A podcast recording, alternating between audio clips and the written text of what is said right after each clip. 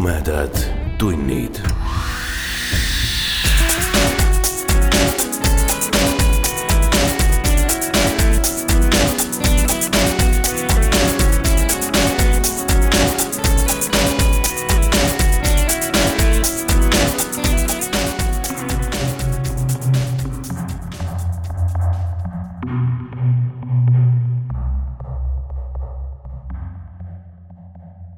tere, hea ulmesõber. Sa kuuled Tumedad tunnid podcasti suvise järjejutu neljandat osa. kui sattusid siia juhuslikult või kui eelnev on meelest läinud, siis mine mõned osad tagasi ja kuula, millest kõik alguse sai. mina ja Aiki Penno loeme nüüd aga neljanda osa Indrek Hargla süngest põnevusloost Suvitusromaan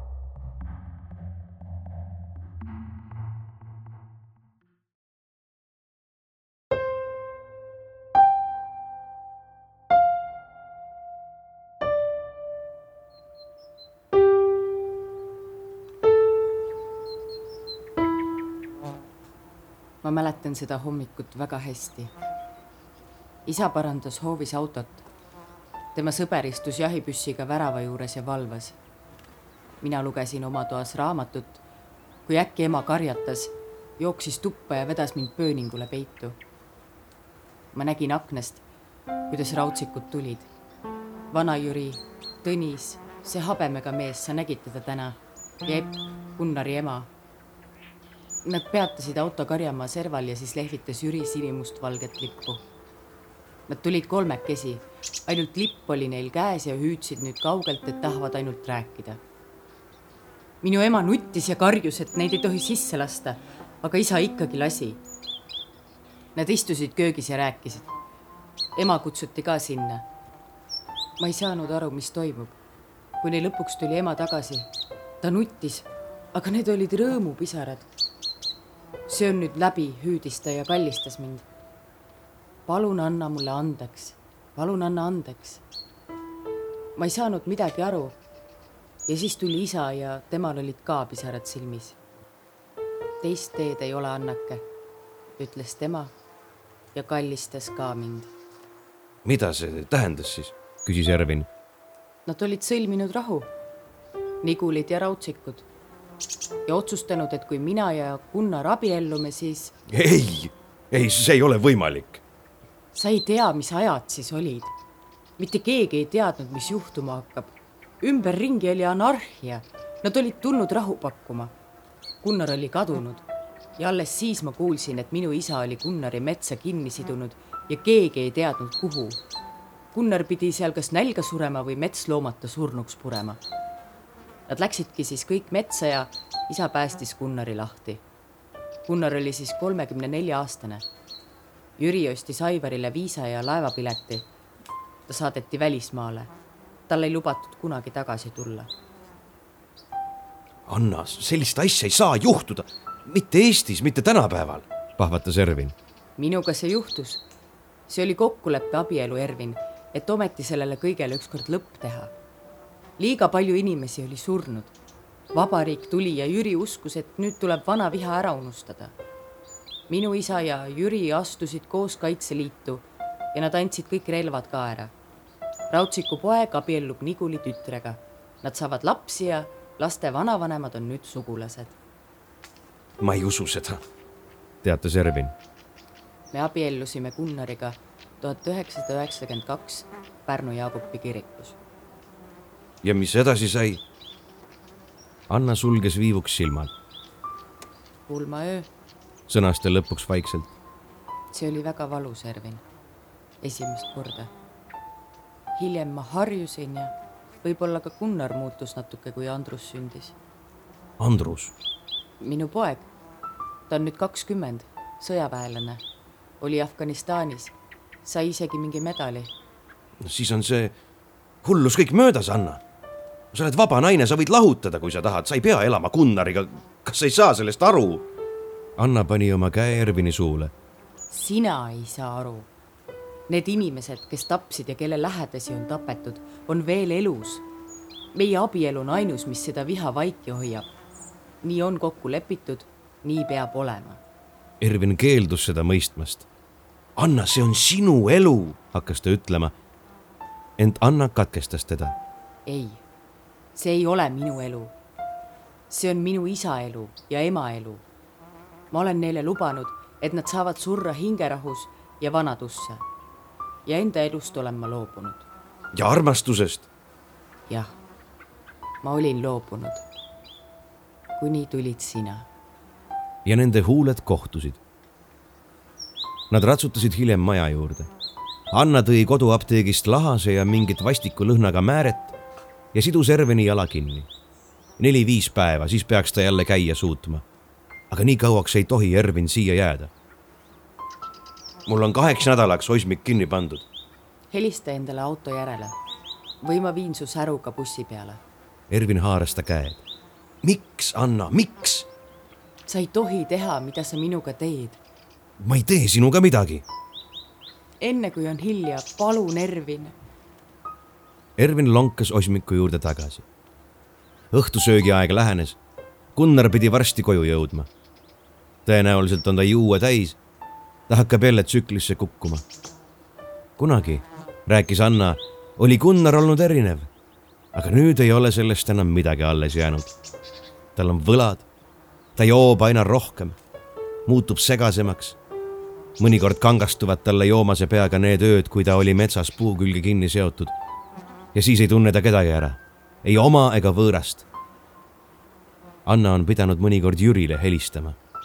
Jüri on ainuke, kes teda taltsutada suudab. ja kõige rohkem kardab Anna seda, kui purjus Gunnar mõnel ööl oma pea lõhki kukub. selles süüdistatakse kohe Annat ja vana vaen on jälle valla seda ei saa tänapäeva maailmas juhtuda, kordas Ervin endale pidevalt.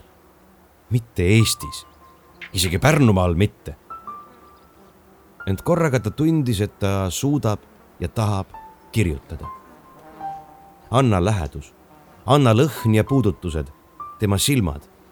jah, nüüd sai Ervin aru, et tunneb Ülsvingit. ja nüüd ta tunneb Ustavit.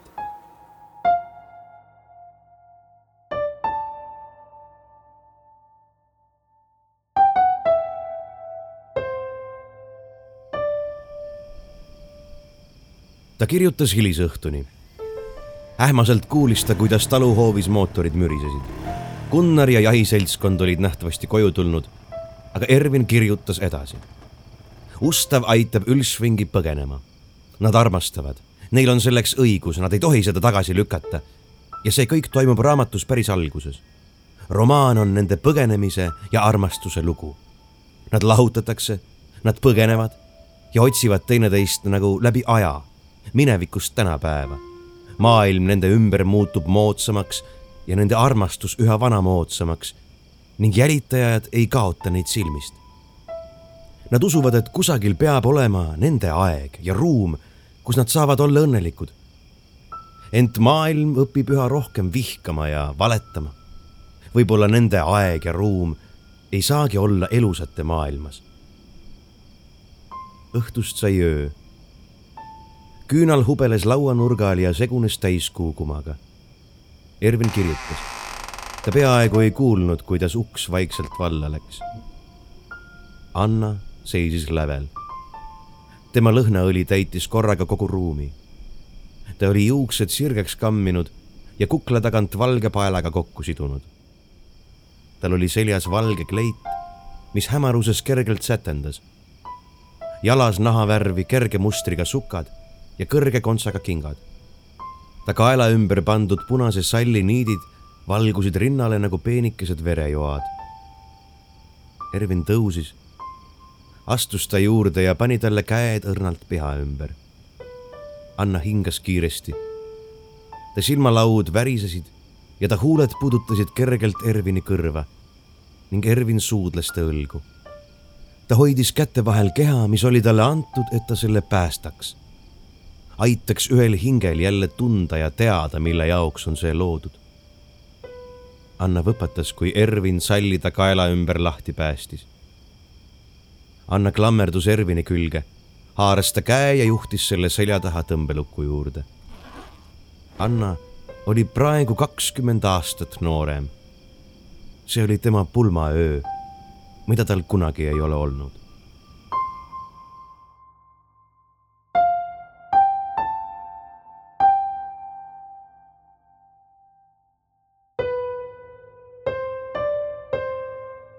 Nad lebasid alasti lina all. Anna pea puhkamas Ervini õlal ja käed hoidmas tugevalt Ervini kätt oma kõhu vastas, kui esimesed päikesekiired akna vahelt sisse hiilisid. Anna oli olnud siin kambris neli tundi ja mitte sekundikski ei olnud nende kehad teineteisest lahkunud. see oli olnud neile mõlemale esimene kord. Ervin ei olnud iialgi varem kogenud ühegi tüdrukuga midagi sarnast. ta ei teadnudki, et see on võimalik et terve sinu keha ja kõik meeled on võimelised tundma korraga ühte tunnet.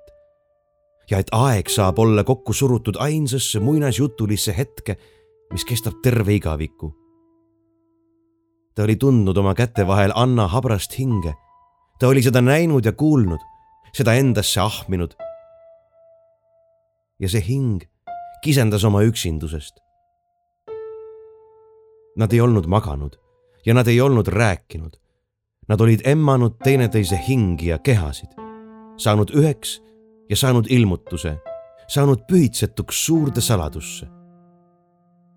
see on nii lihtne, sosistas Anna äkki. Need olid tema esimesed sõnad. kuidas see saab olla nii lihtne? mis? armastada. ma olen sind vist alati armastanud. isegi siis, kui ma ei teadnud, et sa olemas oled Anna suudles Ervini kaela. kas sa usud hingede rändamisse? ma ei tea, vist mitte. sa oled nagu see rüütel sinu raamatust. kas see on võimalik?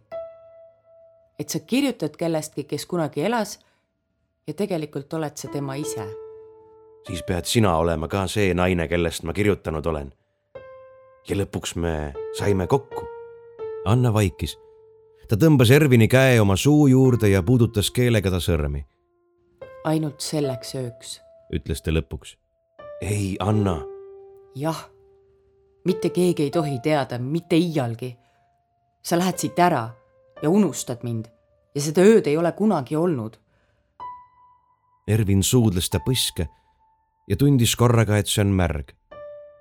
sa nutad, sosistas ta. see tüdruk nutis ka milline tüdruk? tüdruk punase autoga, kes sind siia tõi. ma ei öelnud sulle seda enne. ta istus autos ja nuttis, kui ma mööda ratsutasin. miks ta nuttis, Ervin? ma ei tea.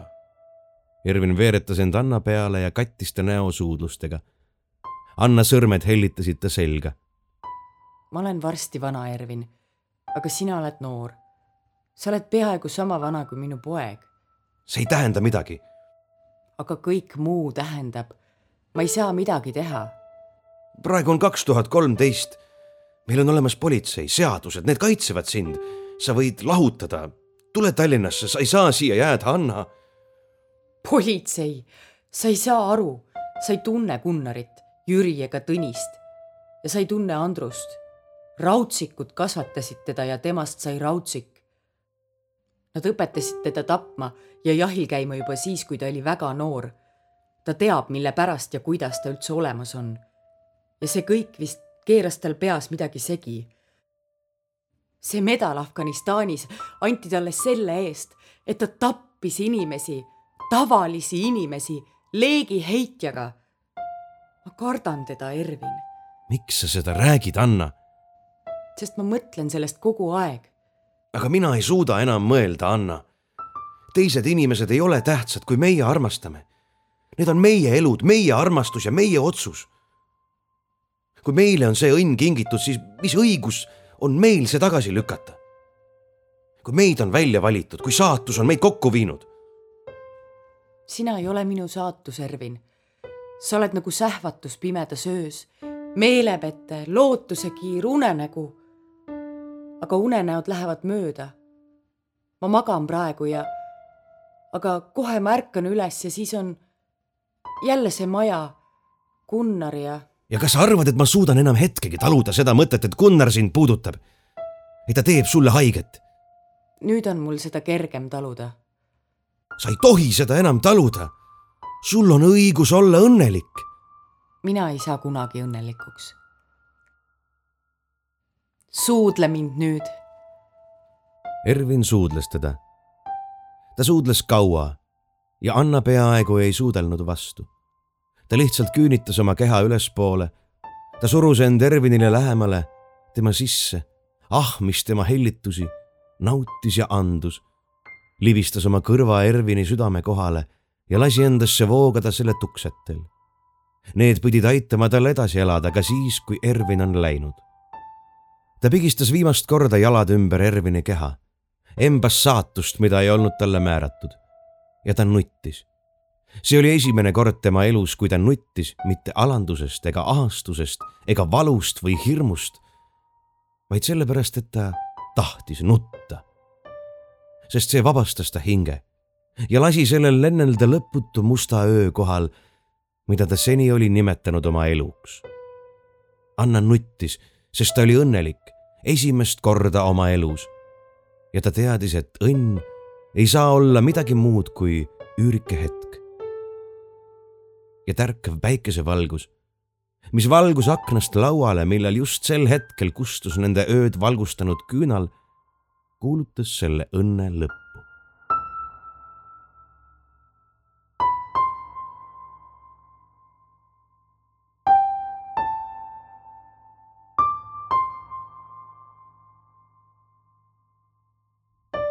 Ervin ei saanud kaua und, kui Anna oli lahkunud.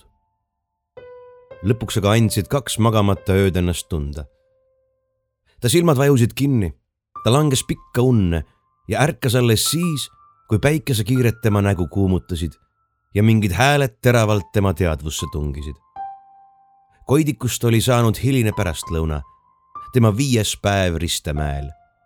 ta higistas, ta oli pööraselt näljane ja tohutult õnnelik kuid siis hakkasid talle meenuma need hääled, karjed õigemini, naise karjed. ärkamiseelses unenäos olid need kuidagi seostunud mingi looga, üldsvingi põgenemisega. aga nüüd ta teadis, et need olid päriselt. keegi oli meeleheitlikult karjunud. Anna? Ervin pani end riidesse ja astus longates õue.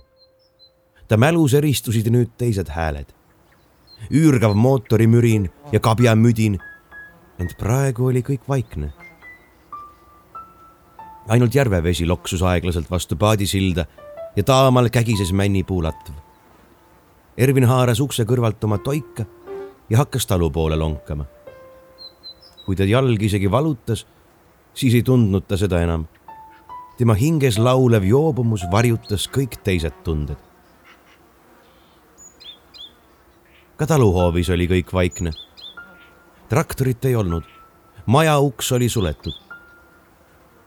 Ervin hõikas üle ukse Annat, aga keegi ei vastanud. ta liipas edasi talli juurde ja vaatas sisse. kõik hobused olid oma latrites ja liigutasid teda nähes kõrvu. ja siis ta nägi, et säru oli saduldatud ja tema latri uks oli lahti. Anna, hõikas Ervin veel kord ja ainult hämarik häälitses midagi vastuseks. Ervin tundis, kuidas tema ekstaas hakkab vaikselt ärevusega asenduma. kas Gunnar oli Anna kuhugi viinud? ta tuli tallist välja, toetas selja vastu seina ja samal hetkel sööstis talli kõrvalt põõsastest välja Anna. nüüd olid tal seljas sinised dressid ja juuksed lehvisid lahtiselt tuules. Ervin, hüüatas ta allasurutult ning jooksis Ervini käte vahele. mis juhtus? küsis Ervin, aga ta nägi seda niigi. Anna põsel oli sinine vorp ning paiste löödud huulest imitses verd. ma tapan ta ära, sisistas Ervin raevunult, kui Anna end tema vastu surus.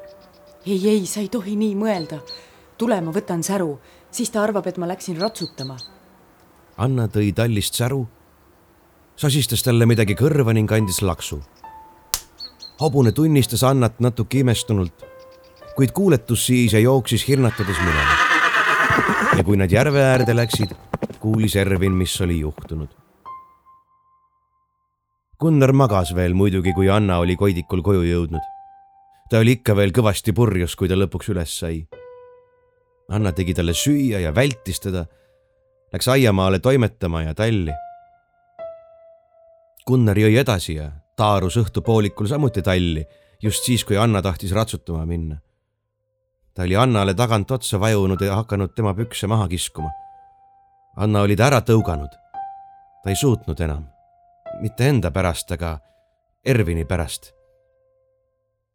Anna haaras enda kaitseks piitsa, kuid Gunnar rebis tal selle käest ja nüpeldas hullunult Rafaeli. ta on hobuseid varemgi löönud Anna jooksis tallist välja, aga Gunnar sai ta hoovis kätte ja lõi teda piitsaga ja siis rusikaga vastu nägu ja surus siis Anna kaevu peale pikali. Annale jäi kätte ämber ja ta virutas sellega Gunnarile vastu. see oli Gunnari veidi kainemaks teinud. ta oli endiselt vihane, sõimas ja karjus. aga komberdas siis ATV juurde, millega ta oli eile koju tulnud ja kihutas minema ta läks muidugi Jüri juurde ja Jüri ehk rahustab ta veidi maha, sunnib välja magama. Lähme siit minema, Anna, palus Ervin. kohe praegu. ei, ma ei saa. minu vanemad on siin ja hobused. ma ei saa, Ervin, ma ei tohi. Nad istusid nüüd osmikus sängil. Anna värisev keha tihedalt vastu Ervinit surutud ja nad hoidsid kätest kas sa saad aru, et ma ei saa sind siia niimoodi jätta? rääkis Ervin tungivalt. minu hing ei saa hetkekski rahu, elu lõpuni ei saa. sa unustad mind varsti ära. ei, Anna. mõtleme midagi välja. sa helistad Jürile ja ütled, et sa pead haiglasse minema. et, et Gunnar lõi sind ja sul on luumurd. Anna tõstis pea. tema silmis välgatas ettevaatlik lootusekiir Ervin rääkis kiiresti edasi. sa palud, et Jüri hoiaks Gunnarit kinni, et sa kardad teda ja et kiirabi tuleb sulle järele. ta ütleb, et ta tuleb ise. aga kiirabi on juba teel.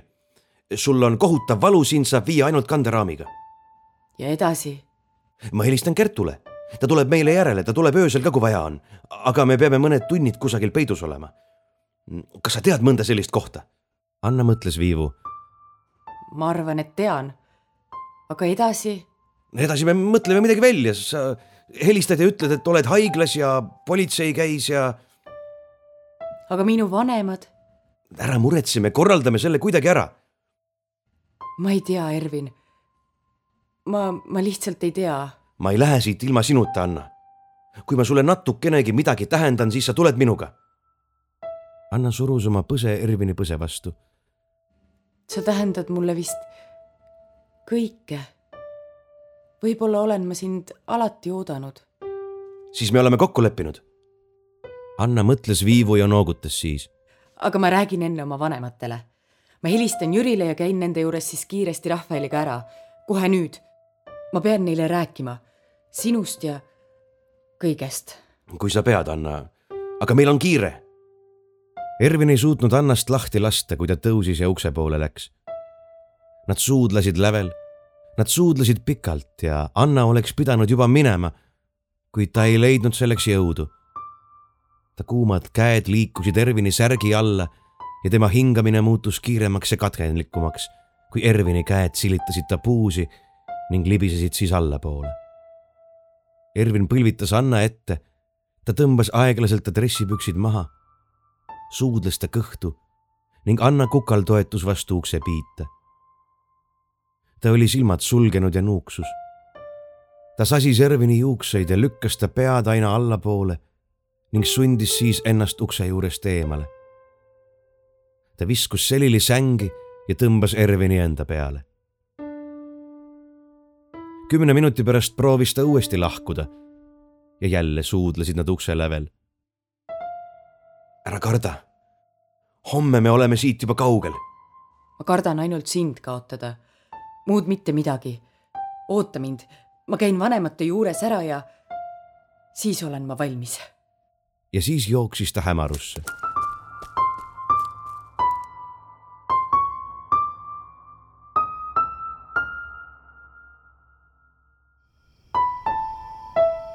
Ervin suitsetas veel lävel enne kui ta Osmikusse tagasi läks ning oma telefoni üles otsis klõpsas ekraani helendama ja nägi, et aku on peaaegu tühi. ta pani tule põlema ning kobas seljakotis laadija järele, aga ei leidnud seda. ta kummutas kogu seljakoti sisu lauale ja kraamis kõik taskud tühjaks, aga laadijat ei olnud. läpakalaadija oli, aga telefoni oma ei olnud. Viimati oli ta seda kasutanud kodus ja pannud siis teiste asjade juurde, kui ta kotti pakkis ja see pidi seal olema. aga ei olnud seda kuradi kurat ei olnud. järelikult oli ta selle maha unustanud. neetud, raisk, saatan. Ervin hingas sügavalt sisse ja valis Kertu numbri. Telefon kutsus kolm korda ja siis kuulis ta Kertu häält. Kertu olen, ma ei saa praegu vastata, sest ma olen kontserdil, aga ma helistan kindlasti tagasi, kui sa ei ole pangast, Emorist või teakirjastusest. aga sa võid ka pärast piiksu sõnumi jätta. see oli Kertu kõnepost. Kertu oli nii metoodiline ja põhjalik, et oli salvestanud mitu kõneposti vastust, olenevalt sellest, kas ta on teatris, kontserdil, loengus või mujal. Kertu, ütles Ervin kiiresti. mu telefon sureb varsti ära, laadija jäi koju. Kertu, palun, kas sa saad mulle veel täna õhtul järele tulla, mulle ja Annale see on tohutult tähtis, ma väga palun, kui sul on vähegi võimalik, helista palun kohe, kui saad. Ervin suskas telefoni taskusse. kell oli kaheksa läbi. kontsert kestab ehk poole kümneni. loodetavasti peab telefon seni vastu. kui Kertu saab tulla, siis peavad nad ainult kokku leppima koha, kus nad kohtuvad. Tallinnast on siia kahe tunni ringis. Kertu jõuaks heal juhul kesköö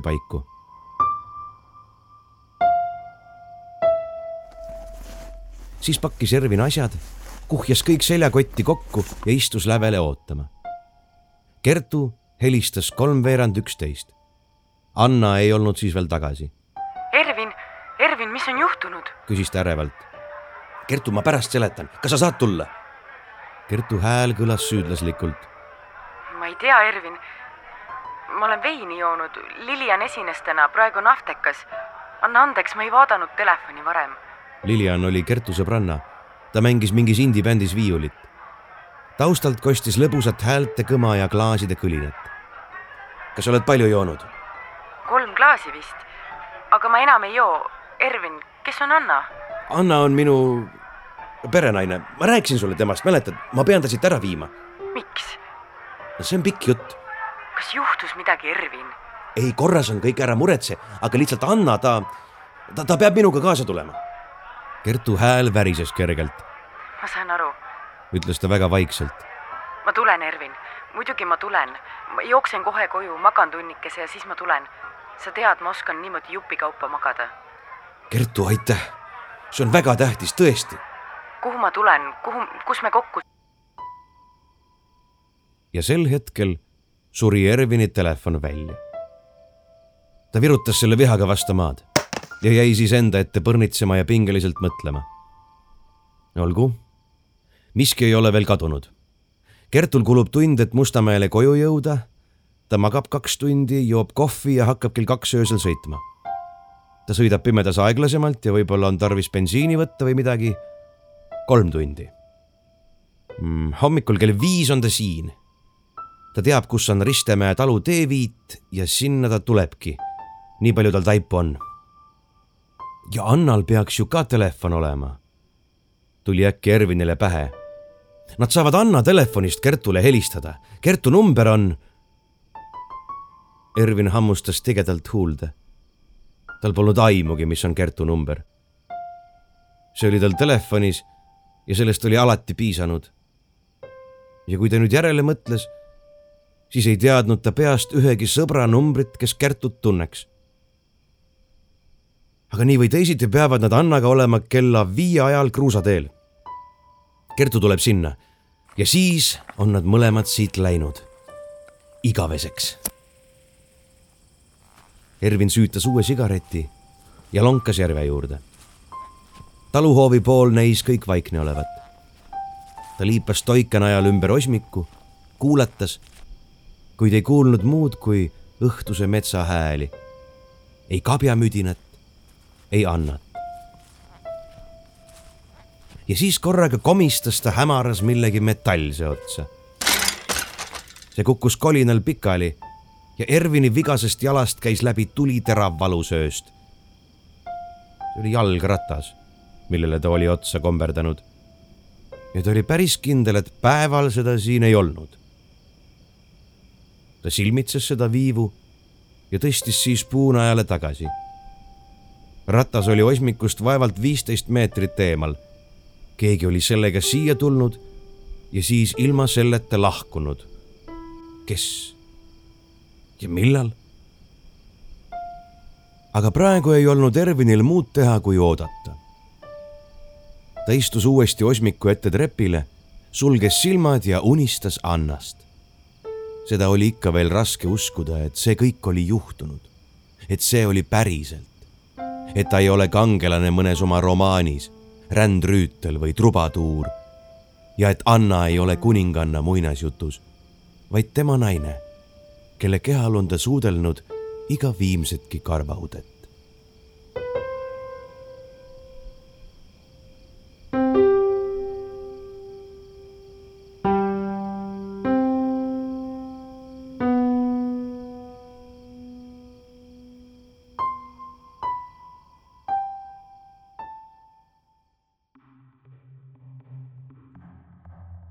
Te kuulsite neljandat osa Indrek Hargla põnevusloost Suvitusromaan. lugesid Aiki Penno ja Priit Öövel. külasta meid Facebookis, jaga seda osa puudutavat postitust, kirjuta kommentaaridesse jagatud ja saad võimaluse võita endale Indrek Hargla autorikogumik Kolme vaimukivi. ühtlasi külasta meid ka teistel platvormidel, kuula meid Spotify's, vaata Youtube'is ja Instagramis kui tahad meie tegevust toetada, siis mine lehele patreon.com kaldkriips tumedad tunnid. kohtumiseni nädala pärast